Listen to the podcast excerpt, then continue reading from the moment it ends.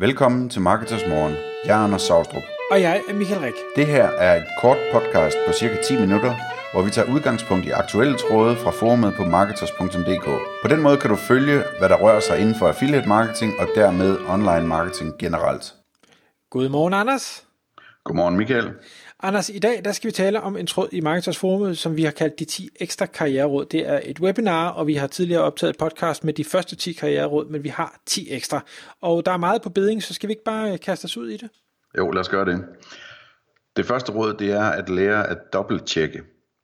Øhm, og det er, øh, det er altså uhyre øh, vigtigt og, og noget som øh, er et godt karriereråd, fordi de fleste de ikke er ret gode til det. Øhm, så øh, det, det det vil sige at dobbelttjekke, det er at, og, øh, øh, hvis man producerer et eller andet på sit arbejde, og så tager sig tiden til at kigge det igennem en ekstra gang, inden at man afleverer det. I stedet for at aflevere det, og så få det tilbage med, jamen der var lige den fejl, og den fejl, og den fejl. Prøv at forestille hvor meget ekstra tillid og respekt, der vil stå om dig som person, hvis folk de føler, at det du sender til dem, det kan de regne med. De behøver ikke engang at tjekke det, fordi der er aldrig fejl i det fordi du tager dig tiden til selv at dobbelttjekke det, i stedet for at lade dem tjekke det for dig. Øhm, det, øh, det kan godt lyde sådan lidt fluffy, men, men, men øh, tro mig, det er en kæmpe, kæmpe ting det her, øh, og noget, der betyder rigtig meget rundt omkring i organisationerne, om, om øh, medarbejdere selv dobbelttjekker tingene, eller de sender det afsted og ligesom er helt okay med, at chef eller kollegerne, de finder alle fejlene. Punkt nummer to har vi kaldt tæl til 10 eller mere, og det handler i bund og grund om, at nogle gange så øh, har man nogle kolleger, man har nogle chefer, man har nogle samarbejdspartnere, som agerer på en, øh, en anden måde end det, man havde ønsket, det man havde forventet, det man havde håbet. Og afhængig af, hvordan man er som person, så kan man være mere eller mindre ilter. Man kan have lyst til at skrive hurtigt tilbage, og jeg er sikker på, at alle har prøvet at sende en mail, som de fortrød bagefter. Øh, den skulle de ikke have sendt, eller de skulle i hvert fald ikke have formuleret den, som de gjorde. Så en rigtig god øvelse er altid at sige, specielt hvis man føler, at man er lidt irriteret, man er lidt vred, man er skuffet, man er et eller andet. Tag lige, tæl til 10, lige sige, godt ah, er den her, det kan godt være, du er vred, det kan godt være, du gerne vil kommunikere, at du er vred, men, men kunne jeg formulere det her knap så, så aggressivt? Det kunne jo være, at der var et eller andet, jeg havde misforstået, eller et eller andet, jeg ikke vidste. Så tæl til 10 eller mere. Og punkt nummer tre, det hedder find fejl ved at lede efter dem. Og det handler altså om, at øh, når man øh, for eksempel skal dobbelttjekke sit arbejde, så, øh, så skal man ikke øh, hvis man nu kigger på noget kode, eller en artikel, man har skrevet, eller en faktur, man har lavet, eller hvad det nu er, øh, så skal man ikke øh, tjekke den ved at tjekke, om det er rigtigt, det man har lavet. Man skal ikke forsøge at, at få bekræftet, det er rigtigt. Man skal forsøge at finde fejlene.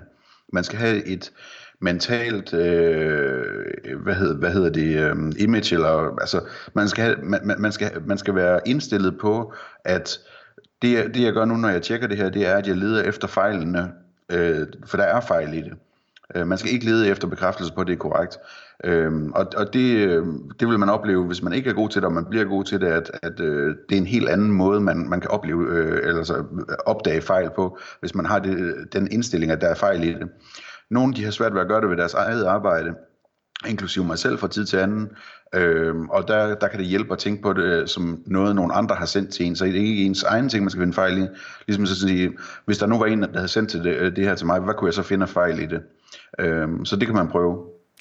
Og så har vi en, der hedder Skab din egen vej, hvis nødvendigt. Og det handler i bund og grund om, at som en karriere, hvis du gerne vil et eller andet sted hen, du har et mål, du gerne vil, så er det ikke sikkert, at den stilling, du er i, og den organisation, du er i, nødvendigvis har den øh, karrierevej øh, øh, skabt allerede. Men hvis du tager ansvar for det og begynder at sige, jamen jeg, jeg kan da også godt tage den her opgave, eller jeg kan da godt lige blive lidt længere og lave det her, som måske ikke er relateret til det job, du har. Eller øh, hvad, hvad med den her idé? Øh, må jeg ikke prøve at løbe med den? Jeg skal nok bruge min fritid på det. Øh, et eller andet i den stil. Hvis du hele tiden har den tankegang at sige, du er ansvarlig for dit eget liv, for din egen karriere, for, din egen, for den retning, du gerne vil. Så det er dig, der skal gøre det, det er dig, der skal skabe det. Du skal ikke forvente, at der er nogen, der lægger det for dine fødder. Så vil du kunne nå næsten hver eneste gang dertil, hvor du gerne vil. Og hvis ikke i den virksomhed, du så er i lige nu, så vil du finde ud af, at der er for mange, der sætter øh, noget i vejen for dig. Så kan du skifte til en virksomhed, hvor du så kan få lov at skabe den her vej, du gerne vil gå. Ja, og punkt 5, den hedder ydmyghed i forhold til arbejdsopgaver. Vi kender alle sammen det, at, at øh, nogle kolleger eller samarbejdspartnere, de er for fine til at lave det ene eller det andet arbejde, og ligesom har sådan en, en hel sådan, øh, atmosfære omkring sig, at, at øh, man skal kun give dem spændende arbejdsopgaver. Øh, det, der står øh, alle steder stor respekt om folk, som er ydmyge i forhold til arbejdsopgaver, og som kan se, at enhver arbejdsopgave, som udføres i en virksomhed, jamen den, den er vigtig, uanset om den er let eller svær at udføre. Så man skal, man skal turde sige ja til simple arbejdsopgaver, og så skal man løse dem til UG. Øhm, det, det, det, det er en vigtig øh, ting at, at kunne, og øh, hvad hedder det, en vigtig ting, som, som gør, at, at øh, man udstråler en modenhed, i stedet for sådan en, ligesom en usikkerhed omkring, at øh, jeg er for fin til det ene og det andet og det tredje. Så har vi en, der hedder øh, Fortryd ikke lær af dine fejl. Og det handler om, at vi begår alle sammen fejl. Vi laver alle sammen nogle ting, hvor vi bagefter tænker, ah, det var virkelig dumt, eller det var slet ikke det rigtige, jeg skulle have gjort noget helt andet.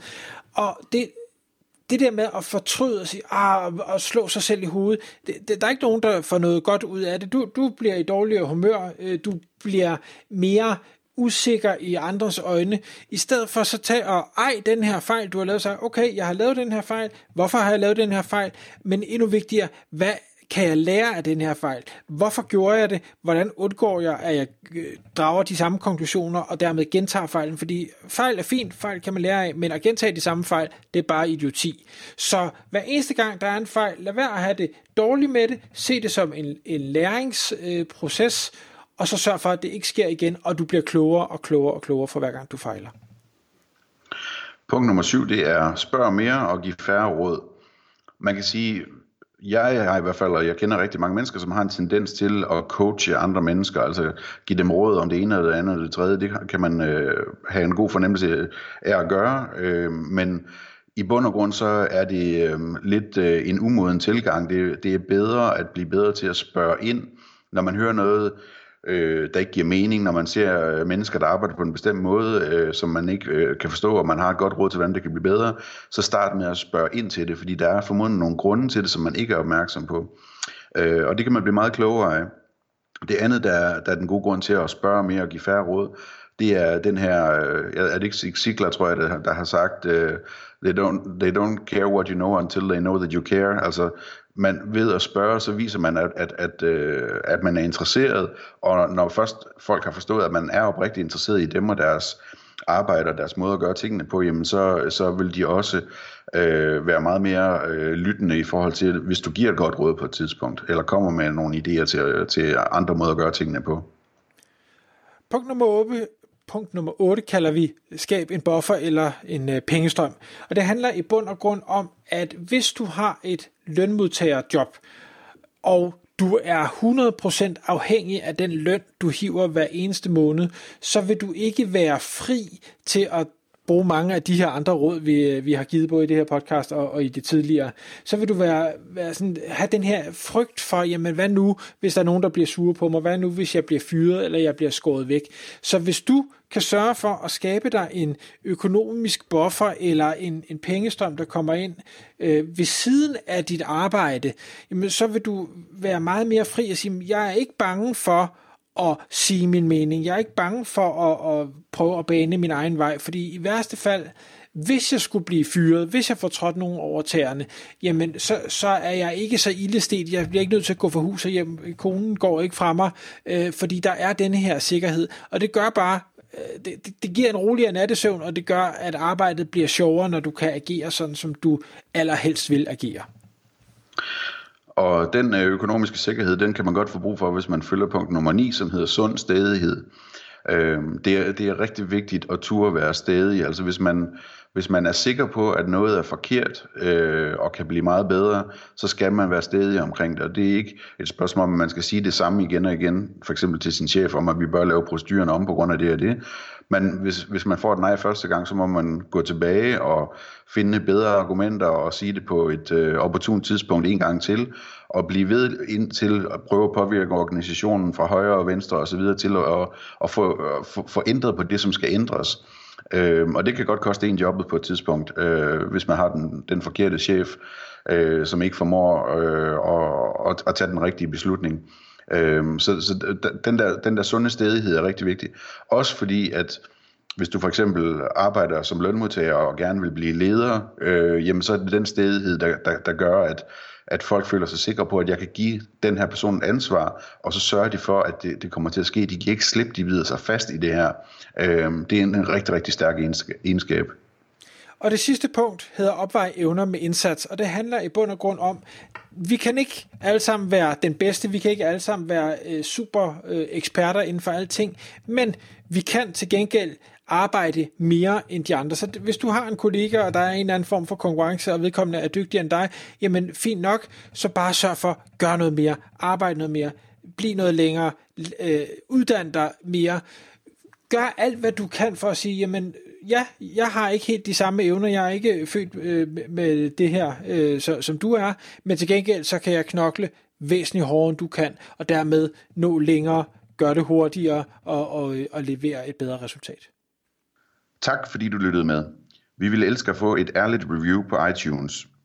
Og hvis du skriver dig op til vores nyhedsbrev på marketers.dk-morgen, får du besked om nye udsendelser i din indbakke.